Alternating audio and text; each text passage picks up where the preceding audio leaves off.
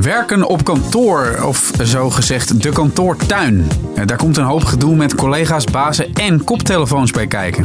De columnbundel Kantoorleven scènes tussen 9 en 5 beschrijft ongegeneerd het herkenbare ongemak op de werkvloer.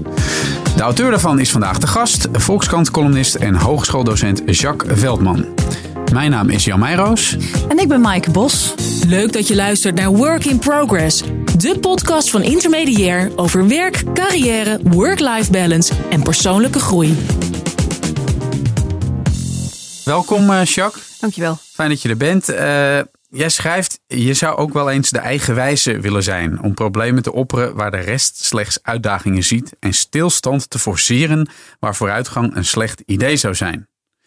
Nou, dat zet eh, eigenlijk direct de toon. Ehm, je, hebt, je, hebt eh, letterlijk uit het werkende leven gegrepen, eh, die columns opgeschreven en gebundeld. Maar ja, is er echt zoveel onzin gaande op de moderne werkvloer?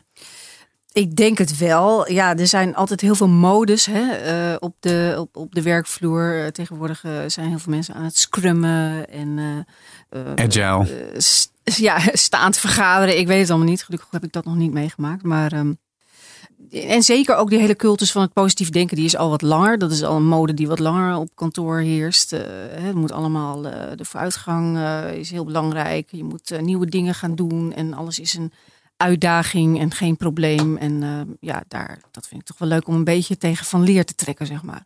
Want hoe is dat idee eigenlijk bij jou ontstaan om, om columns te schrijven over, ja, over het kantoorleven? Want je bent, bent op dit moment eh, toch ook gewoon freelancer. Ja, ben ik. Maar je hebt dus ook heel lang eh, toch eh, zeg maar als een soort dubbelspion in, in het moderne kantoorleven geïnfiltreerd. Ja, feitelijk wel. Ik werk natuurlijk ook al heel lang op een kantoor. En ook wel op verschillende kantoren. Ik denk al wel sinds mijn studietijd dat ik op, op, op, op wat voor kantoor dan ook rondloop.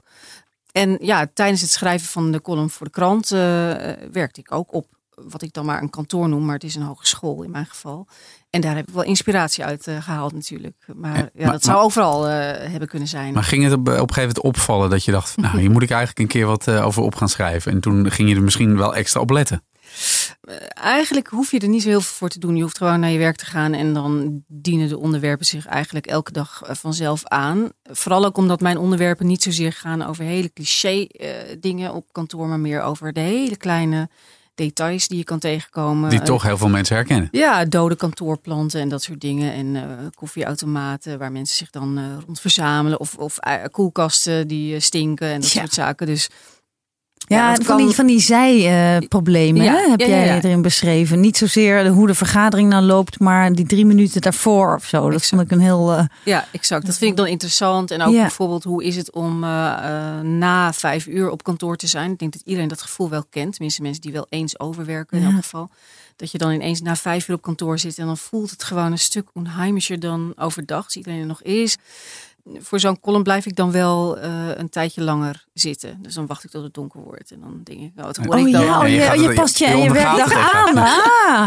Want ik, eh, er staan ook verhalen in van collega's die je moet mijden. Hè? Dat er dan Ja. de snor op je afkomt die Ja. je dan zo in een soort hoekje drukt. Of, of bovenop je gaat liggen. Bijna, maar niet, dan niet letterlijk. Maar gewoon in, jou, in jouw ruimte komt. Ja. Eh, het lijkt ook een beetje als je al die collega's en die bazen ziet. Alsof het een biotoop is waar mensen maar bezig zijn om, om te overleven eigenlijk. Hè?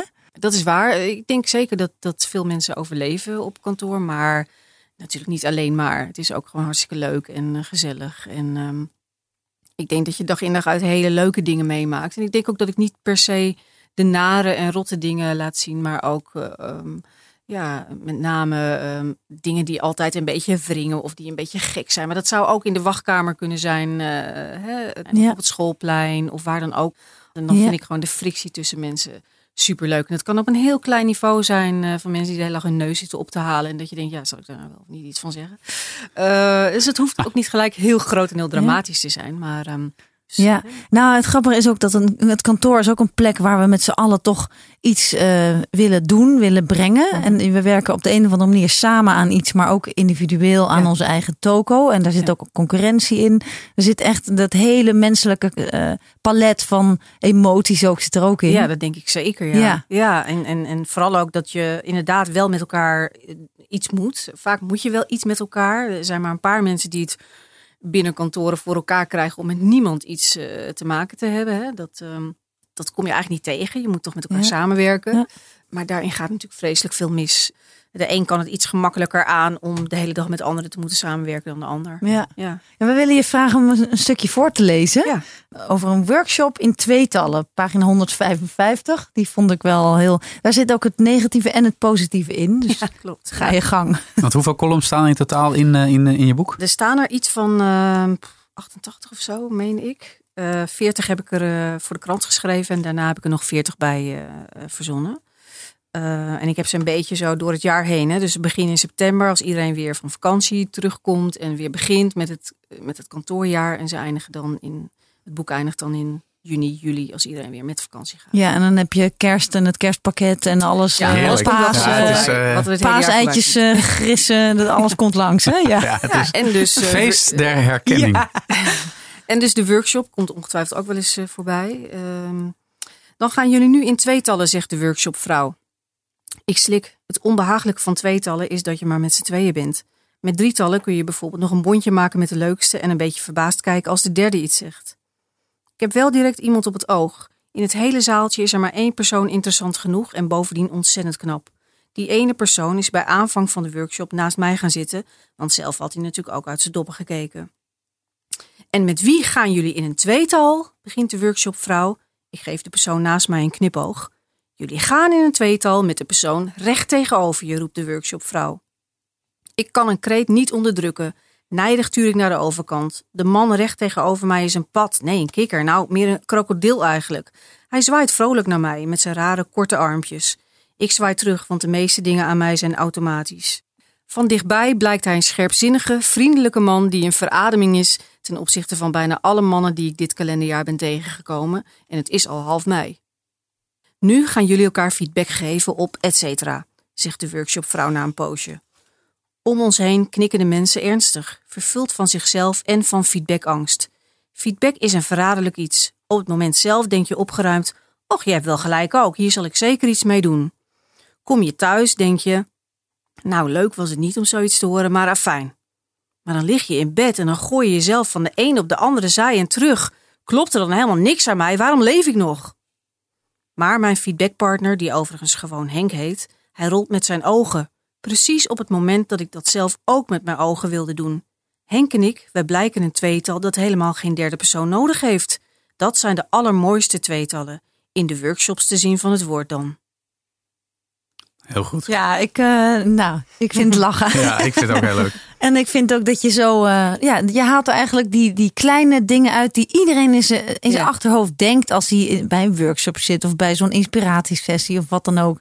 Of, of met mensen te maken heeft. Ja, precies. En ja, ja het is niet alleen maar zwart en eh, geklaagd. Er zitten ook van die sprankelende dingetjes eh, tussen. Nee, zeker. Ja, het is ook zeker niet bedoeld om eh, een soort klaagzang op kantoorleven te geven. Ik, ik hoop eigenlijk dat mensen er vooral vrolijk van worden. Om, ja, omdat ik inderdaad dingen laat zien die ze zelf ook al wel hadden gezien. Ja, Ja, of gedacht. Maar, maar het, het, is- het is inderdaad met een knipoog. Maar er zit natuurlijk ook, hè, in, in humor schuilt altijd waarheid. Er zitten natuurlijk ook wel echt een aantal herkenbare annoying dingen in. Ik bedoel, je noemt ook inderdaad eh, hè, het mensplaining. eh, mannen die eh, aan vrouwen wel even uitleggen hoe het zit. eh, maar ook bedwederige collega's. En, en ook echt collega's die je gewoon niet leuk vindt. ja. Wat, wat was nou het, het, het, het hardnekkigst wat je bent tegengekomen?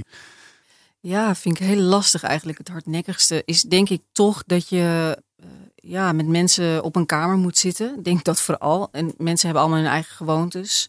De een is heel luidruchtig ehm, en de ander is heel stil. En eh, ja, je komt ontzettend in elkaars personal space. En Ja. ja, daar, dat is het meest interessant. Daar, daar, als dat gebeurt, worden mensen eh chagrijnig of eh, opgefokt of wat dan ook. En ja, dat vind ik dan leuk. Dan ga ik er echt bij zitten en dan denk ik van nou, kom erop. En ik ben er natuurlijk zelf ook onderdeel van. Hè? Dus ik, ik, heb, ik heb zelf ook personal space nodig. Tuurlijk. En ehm, dus ik, ik ben niet alleen maar degene die observeert.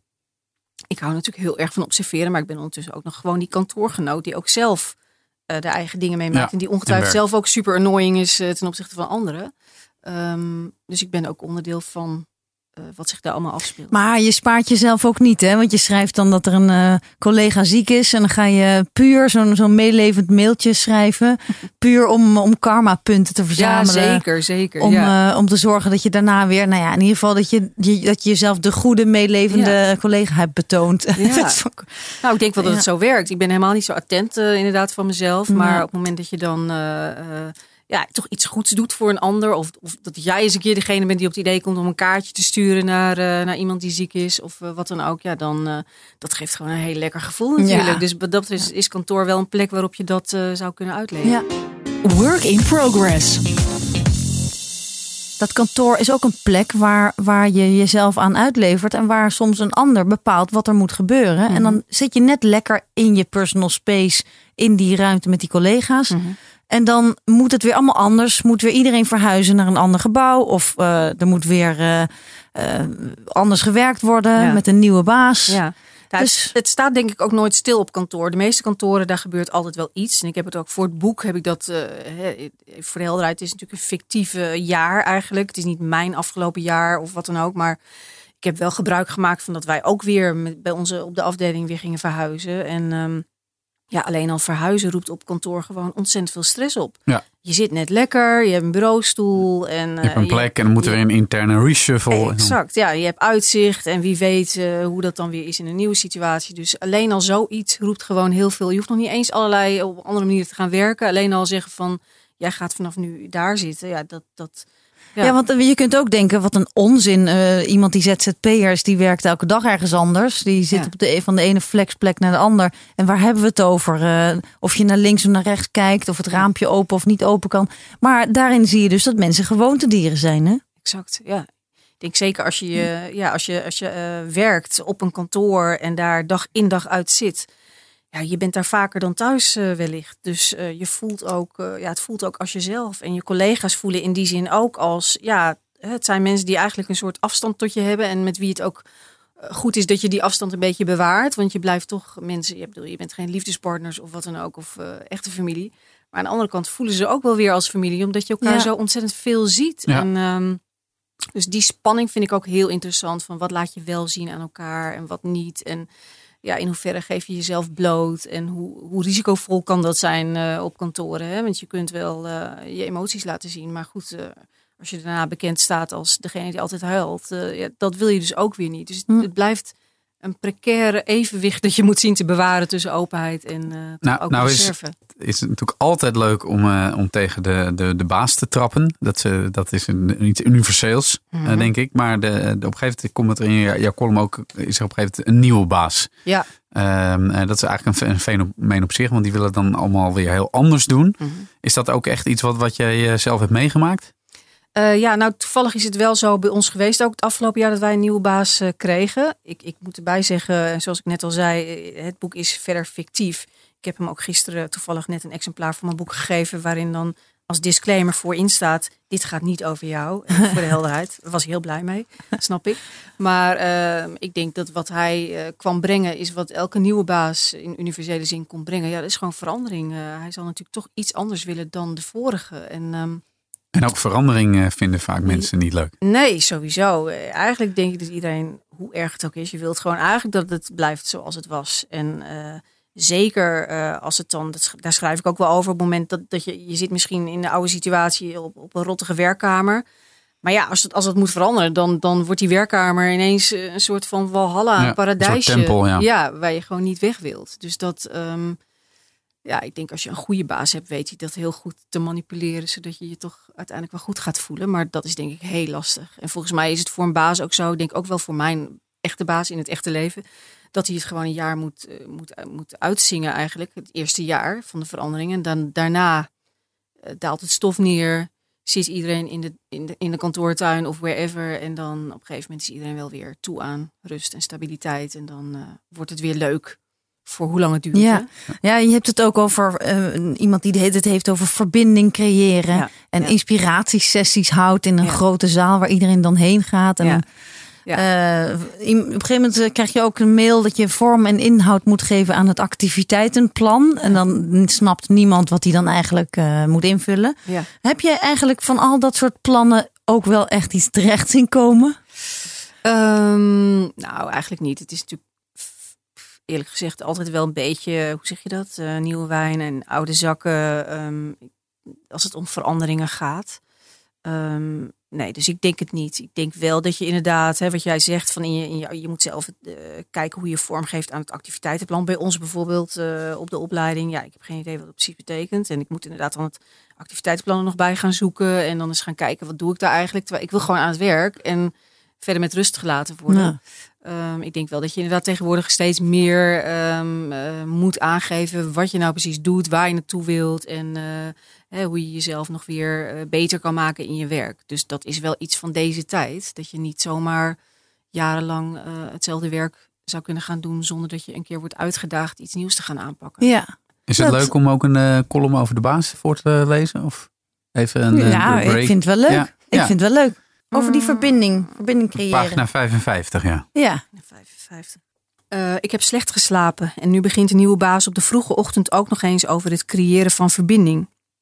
Ik heb direct zin om een brooddoos tegen hem aan te gooien, maar ik heb een laf karakter, dus die vlieger gaat niet op. De nieuwe baas werpt zijn armen in de lucht en roept: En zo creëren we dus verbinding. Mijn collega Jo giechelt en wenkt. Ik buig me naar haar toe. Sorry, de verbinding wordt nu verbroken, zegt ze. Daarna valt ze proestend voorover. Ik had zelf graag deze grap willen maken, dus ik glimlach welwillend en kijk vaag in de verte, alsof daar wel betere grappen in het verschiet liggen. Vooralsnog niet, hoewel misschien biedt de frase: Oh, dan ben ik zeker verkeerd verbonden nog mogelijkheden. Hij doet me denken aan vroeger, aan nummers draaien, lamme wijsvingers en een draaifout die snel gemaakt was. Aan bedweters aan de andere kant van de lijn met hun eeuwige: Nee hoor, u bent niet verkeerd verbonden, u hebt verkeerd gedraaid. Beschaamd gooide je dan de hoorn op de haak, want vroeger wisten mensen nog wat schaamte was. Of als je pinnig van aard was, riep je eerst pff en gooide je daarna pas de hoorn op de haak. Wel brak het klamme zweetje dan nog even uit, want dit was natuurlijk ongelooflijk onbeschoft. De nieuwe baas ademt diep in. Ik ben op mijn hoede. Mensen die een woord als verbinding in de mond nemen, kunnen ook elk moment het woord ontmoeten eruit gooien. Liefst met een korte maar lange pauze tussen ont en moeten en een onverdraaglijk betekenisvolle blik. Oh man, als dat gebeurt, sta ik op, fiets linea recta naar huis en stel me in verbinding met mijn dekbed. Wacht, ik buig me naar Jo toe. Dit is een goeie. Ben je, ben je, heb je echt wel eens iemand een eh, broodtrommel naar zijn hoofd willen slingeren en, en je zegt ik ben laf aangelegd? Klopt dat? Het klopt geheel. In het boek staat geen woord gelogen natuurlijk. Eh, ja, nee, ik heb eigenlijk geen brooddoos bij me, dus dat kan helemaal niet. Maar Nee. eh, in principe zou ik wel, eh, ja, zou ik wel eh, soms gewoon dingen tegen mensen aan willen gooien. Ja, het is ook een soort snelkookpan, hè, zo Ja. dat werk. ja. En waar, waar sla je nou op aan? Wat zijn die dingen die je opvallen? Ja, dat je bijvoorbeeld inzoomen op iets heel kleins, maar wat, wat voor, ja. Ja, ik vind het eigenlijk leuk. Kijk, ehm, ik heb in het verleden ook wel veel over kantoren geschreven. En dan meer zo van, goh, vijf tips om het kantoorjaar te overleven. Dat soort dingen op zo'n toon, zeg maar. Dit zijn natuurlijk echt meer verhalen. Ik vind het in die verhalen het mooi, of hele kleine verhaaltjes zijn het. Ik vind het het mooist om heel erg in te zoomen op details. Dus ehm, niet zozeer eh, een, een vergadering te beschrijven. Want die zijn op zich natuurlijk ellendig genoeg. Daar zou je heel veel over kunnen zeggen. Maar dat vind ik heel clichématig. Ik vind het dan leuker om bijvoorbeeld eh, de paar minuten die aan zo'n vergadering vooraf gaan, die kent ook iedereen. Van jij bent al binnen, jij nog niet, ik zit er ook al. Komt Jij iemand zit- gehaast binnen, ja, eh, precies. al telefonerend? eh, mensen gaan koffie. Er zijn altijd een paar vrouwen die dan eh, koeken meenemen van huis, weet je wel. Super irritant eigenlijk. Maar in elk geval, dus die, die zijn er ook. En jij zit mij aan te staren en een beetje van boven naar beneden. z- Zodat ik denk van, wat is er met me aan de hand? Weet je, er is, er is ook een soort van ongemak of een wat, soort is van... eh, wat is trouwens mis met een, met een koek tijdens een vergadering? Is toch nou ja, dat is ook prima. Maar het zijn vooral vrouwen die dus zorgen voor de innerlijke mens vaak. Hè? Oh ja. en, en dat geeft zo'n... Zo'n hele schaal, kraak, kraak, kraak. eh, tijdens Maar ook eh, weer dat ongemak dat je denkt, moet ik niet te veel pakken? Ja. Moet ik eigenlijk wel pakken, want ik wil toch eigenlijk lijnen. Maar die pakt ook en die ook. En oh shit, Ja, straks en het is is er toch niks meer En over. het is onbeleefd als ik niet pak. Ja, Ja, Work in progress. Eh, als jij zegt ik put uit 25 jaar werkervaring. Dan zijn er natuurlijk ook ontwikkelingen geweest op de werkvloer. Wat heb je nou zien veranderen? ja dat, dat, dat, je, dat je tegenwoordig ook eigenlijk wel geacht wordt om ook je geluk te halen uit je werk. Dus dat het niet meer zo is van, nou ja, je hebt dan je werkleven en aan de andere kant je privéleven. Maar dat je ook binnen dat werkende leven jezelf moet zien te vervullen. En je ook wordt blootgesteld aan een proces van zelfverbetering. Zoals je in, je in je normale leven ook zou kunnen doen door allerlei zelfhulpboeken te lezen. Is het denk ik ook nu wel de bedoeling dat je op je werk ook ehm, ehm, steeds beter leert om het beste uit jezelf te halen. Whatever that may Ja. be. En ehm, ik sta daar wat dubbel in. Aan de ene kant, ik ben zelf ook wel iemand, ik, ik heb een gereformeerde achtergrond. Ik ben zelf ook een enorme zelfverbeteraar. Dat kan altijd nog wel weer wat beter. Maar op het werk vind ik het soms wel too Doorslaan. much. Ja, vind ik het wel doorslaan. Hè? Er wordt heel veel gezegd van kom uit je comfortzone. Ik denk juist dat mensen heel erg moeten op zoek gaan naar die comfortzone en daar forever in moeten blijven zitten. Als je iets goed kan, doe het en blijf het doen en ga niet steeds iets anders uitproberen. Hè? Er zijn natuurlijk heel hele kantoren ten onder gegaan aan mensen die dachten, oh, misschien kan ik ook wel leiding geven. Ja, ja, ja. Dat kun je dan dus niet. Maar ja, daar gaat dan toch Ja. weer een hele afdeling aan ten onder. En dat is natuurlijk zonde. Ja, dat is toch ook dat Peter Principle. Dat vind ik zo fascinerend. Iemand is zeg maar, die stijgt de hele tijd op de, op de, op de ladder van ehm, Carrière. Carrière. En eh, hij kan dit nog heel goed, dus wordt hij manager. En dan kan hij dat heel goed en dan wordt hij manager. En dan uiteindelijk komt hij ooit op een punt dat hij het eigenlijk niet meer kan. Dus hij, hij stijgt door Ja. tot Ja. zijn, pop, zijn punt van incompetentie. En dan moet hij eigenlijk weer terugvallen naar een stapje lager. Maar dat doen mensen niet. Nee, dat doen mensen niet. Ze blijven dan daar lopen ploeteren. En eh, ja, dat, dat is dan. Daar hebben andere mensen ontzettend veel last van. Dan Ja. krijgen er burn-outs van en alles. Oh, absoluut. Dat is absoluut waar. Ja, verkeerde leiders eh, op verkeerde plekken, dat Ja. denk ik zeker. Eh, Maar ik denk ook dat je het zelf dus gewoon lastig kan hebben, omdat je elk jaar dus weer dat, dat functioneringsgesprek hebt, of elk, elk, elk jaar wel drie keer Ja, in ons vaker, geval. hè? En, en, en Ja. steeds maar wordt je, je- ja, je vooruitgang eh, bijgehouden en, en moet je laten zien wat je allemaal aan het doen bent. En ja, dat, dat, dat, dat, dat geeft gewoon heel veel onrust. En tenminste, bij mij wel. Ik denk dan van, goh, laat me gewoon doen wat ik goed kan. En eh, dat blijft Ja, gewoon maar je moet ook feedback krijgen van je collega's, hè? Ja, Hoe klopt. valt dat bij jou? Ja, feed- eh, feedback krijgen is iets eh, wat bij ons ook belangrijk is. Dus, dus op een gegeven moment in je proces moet je gewoon eh, gaan vragen eh, aan collega's: wil jij mij feedback geven op een bepaald onderdeel? Nou, ben je natuurlijk allemaal wel zo slim dat je dat wel gaat vragen aan een collega. Met wie je toch al goed door één deur, Ja. deur. Ja. En niet bij je vijand, die, die toch denkt van, oh, die zal ik eens even helemaal kapot maken. Ja. Dus dat is vaak toch wel een soort van wassen neus. Maar je kunt ook zeggen, juist je vrienden op de werkvloer zullen je eerlijk antwoord Nou, geven niet met waar. iets wat, wa- waar je van kunt groeien. Nee, nou de meeste vrienden, de meeste vrienden niet. Want iedereen is toch bezig met van, oh ja, ik moet zelf straks ook weer feedback vragen. Ik zit helemaal niet per se te wachten op de waarheid, maar meer op van, nou, je bent gewoon top bezig en ga zo door, et cetera. Dus dat, ik denk dat er toch een soort van perverse prikkel eh, tussen zit, waardoor je dat niet gaat, eh gaat Ja, ik doen. denk dat weinig mensen echt Ja. eh, volledig eerlijk.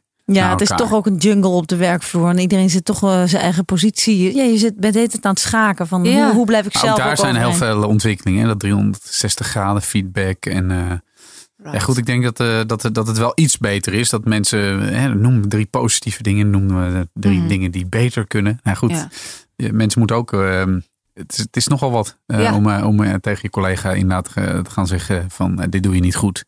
Ja, dat is echt heel erg lastig inderdaad. En ik, ik heb wel eens meegemaakt dat er dan één collega tussen zit die het dan wel heel eerlijk doet. En Ja, dat werkt, dat, dan denk je, oké, jij hebt niet helemaal de code Ja. eh, Nee. begrepen. Zo werkt het eigenlijk niet helemaal. En dan nog even die kantoortuin die jij introduceert. Iedereen moet opeens naar de kantoortuin verhuizen en dozen inpakken. En... Ja, ik dacht, de kantoortuin spreekt zo tot de verbeelding. eh, Dat je niet kan zien waar is nou het begin en het eind van, eh, van die kamer. Want er is geen kamer meer eigenlijk. Op een gegeven moment houdt, houdt de ene vloerbedekking op en begint de andere vloerbedekking. En dan zit je dus in een kantoortuin. Een soort zee, een soort heel groot Van zwembad. eilandjes. Ja, met Van, allemaal van eilandjes, eh, van tafels. Precies, Ja, met en- heel veel mensen en Geroezemoes. geroezemoes inderdaad. Dat dan op een gegeven moment beschrijf ik het als, als, als gekwetter dat opstijgt en gewoon over je heen vliegt en achter je weer landt. En dat je dan denkt, oké, nu zitten we dus in een kantoortuin. En ik, Maar je schrijft ook dat mensen burn-out eh, eh, raakten. Dat, Ja. dat hoor je vaker. Ja, Die stress van eh, al, die, eh, al die mensen om je heen, al dat geluid. eh, Ja. En dan die run voor die beste plek soms, Ja. hè? Flexplekken, ja. ja, ja. Dan krijg je dan weer en mensen onttrekken zich daar dan weer aan met koptelefoons om lekker muziek te luisteren. En dat wordt dan door anderen weer als eh, ongezellig gezien. Ja. Ik denk dat heel veel mensen met inderdaad met koptelefoons op zitten met noise cancellers om, eh, om zich af te pikken. Eh, de één column die ik zelf heel mooi vond was eh, die over eh, een collega die dan eh, haar moeder overlijdt. Ja. En eh, dat, dat, hoe, hoe ga je inderdaad om met, eh, met een sterftegeval op je werk, met collega's? ja, Misschien kun je die nog even voorlezen? Eh, dat kan, maar ik moet even opzoeken waar die dan ook weer staat. Nou, ik denk ook wel dat ik ehm, na verloop van tijd, toen ik de column had en schreef, dat ik toch ook wel wat meer in de vertraging ben gaan zitten. En ook wat meer in de melancholie soms. Hè? En niet zozeer alleen maar in de grap of in de typische kantoordingen die er dan zouden kunnen spelen. Zoals bazen die rare dingen roepen of zoiets. Maar ook dit soort zaken Ja. dacht ik, dat wil ik toch eigenlijk wel eh, Ja. eh, bespreken. Ook toch weer, dat, toch weer een ongemakkelijke situatie. Ja, Alleen nu, ongemakkelijk, ja. nu is het niet echt iets waar je om kan lachen. Maar meer van, ja, wat is nou de juiste manier om daar mee om te gaan? Ja, Ja. precies. Oké, de column heet dus Dood. Haar moeder is dit weekend dood gegaan. De bureaustoel van de dochter is leeg. Op haar bureau ligt van alles waarmee ze voor het weekend bezig was, in de veronderstelling dat ze hier maandag gewoon weer zou zijn. Zo lijkt ook zij plots uit het leven weggerukt. Zullen we namens ons allen een kaart? Ja, natuurlijk zullen we dat. Als de kaart is geschreven, geadresseerd en naar de postkamer is gebracht, hangt de dood nog tussen ons in.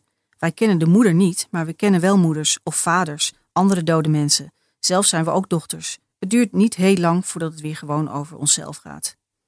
Het rotste van doodgaan lijkt me dat je er daarna met niemand over kan napraten, zegt een van de vrouwen. Gewoon over hoe erg het was, of juist hoe gemakkelijk je gewoon poef van het een op het andere moment niet meer leefde. Ze zwijgt en wrijft over haar kin. Ze heeft een punt. Ik vrees nu ook voor mijn dood en dan vooral het zwarte gat daarna. Pas in de napraat krijgt een gebeurtenis betekenis. Ik mag de zaken graag van alle kanten beschouwen. Eerst vanuit de ik, dan vanuit de andere, opnieuw vanuit de ik. Gevoel, verstand, de combinatie, repeat. Na anderhalve week keert ze terug. Haar ogen zijn dof, haar haar is dof, haar stem is dof. Ze vertelt, ze snapt dat het moet. Ze houdt het wel even kort, oké? Nu ze haar eigen zakelijke stem de woorden hoort zeggen en onze meelevende gezichten ziet, dringt tot haar door wie ze is. De collega met de dode moeder. Nog een nieuwe dimensie aan dit leed, dat op zich al groot genoeg was. Haar stem trilt, haar ogen zijn groot als die van een vis, ze durft niet te knipperen. De rest van de dag letten we erop dat we niet steeds een bekommerde lage stem opzetten. Niemand begint ook meer over zijn eigen dood. Veel van het zwijgen over de dood is niet uit botheid of ongemak, maar uit voorkomendheid, de angst om iemand uit een net verworven broos evenwicht te halen. Hier een bakkie, zeg ik, en ik slik het woord troost net in. Al haar spullen liggen nog net zo op haar bureau als die ochtend. Ze veegt ze naar links om ruimte te maken voor de koffie. Een paar A4'tjes dwarrelen veel te vrolijk naar de vloer. Mooi toch? Mooi. Ja. Ja. Hij, eh, is hij, hij ligt al in de winkel, toch? Hij ligt zeker Deze- in de winkel, ja. Kantoorleven, scènes tussen 9 en 5. Het is een prachtige, eh, we zullen het plaatje ook wel laten zien. Een foto van iemand eh, die in een archiefkast aan het eh, grabbelen is. Maar iemand, die- een vrouw met een gele rok. Ja, En ja. gele Gele pumps. rok. en, en, en gele pumps. Maar ik vond vooral mooi de detail, die, die, die ordners waarvan niemand meer weet wat Ja. er eigenlijk in staat. Die je dan toch maar plichtsmatig bewaart. Ja, precies. Nog ja. 100 jaar. Ja, Want je weet maar nooit hè. precies. Het Dus, kan altijd eh, nog van pas komen. Jacques, bedankt dat je hier aanwezig wilde zijn. Fijn ook dat je een aantal columns hebt voorgelezen. Blijf vooral luisteren en tot de volgende aflevering. Dag. Dit was Work in Progress, de podcast van Intermediair. Check voor meer informatie over dit onderwerp intermediair.nl.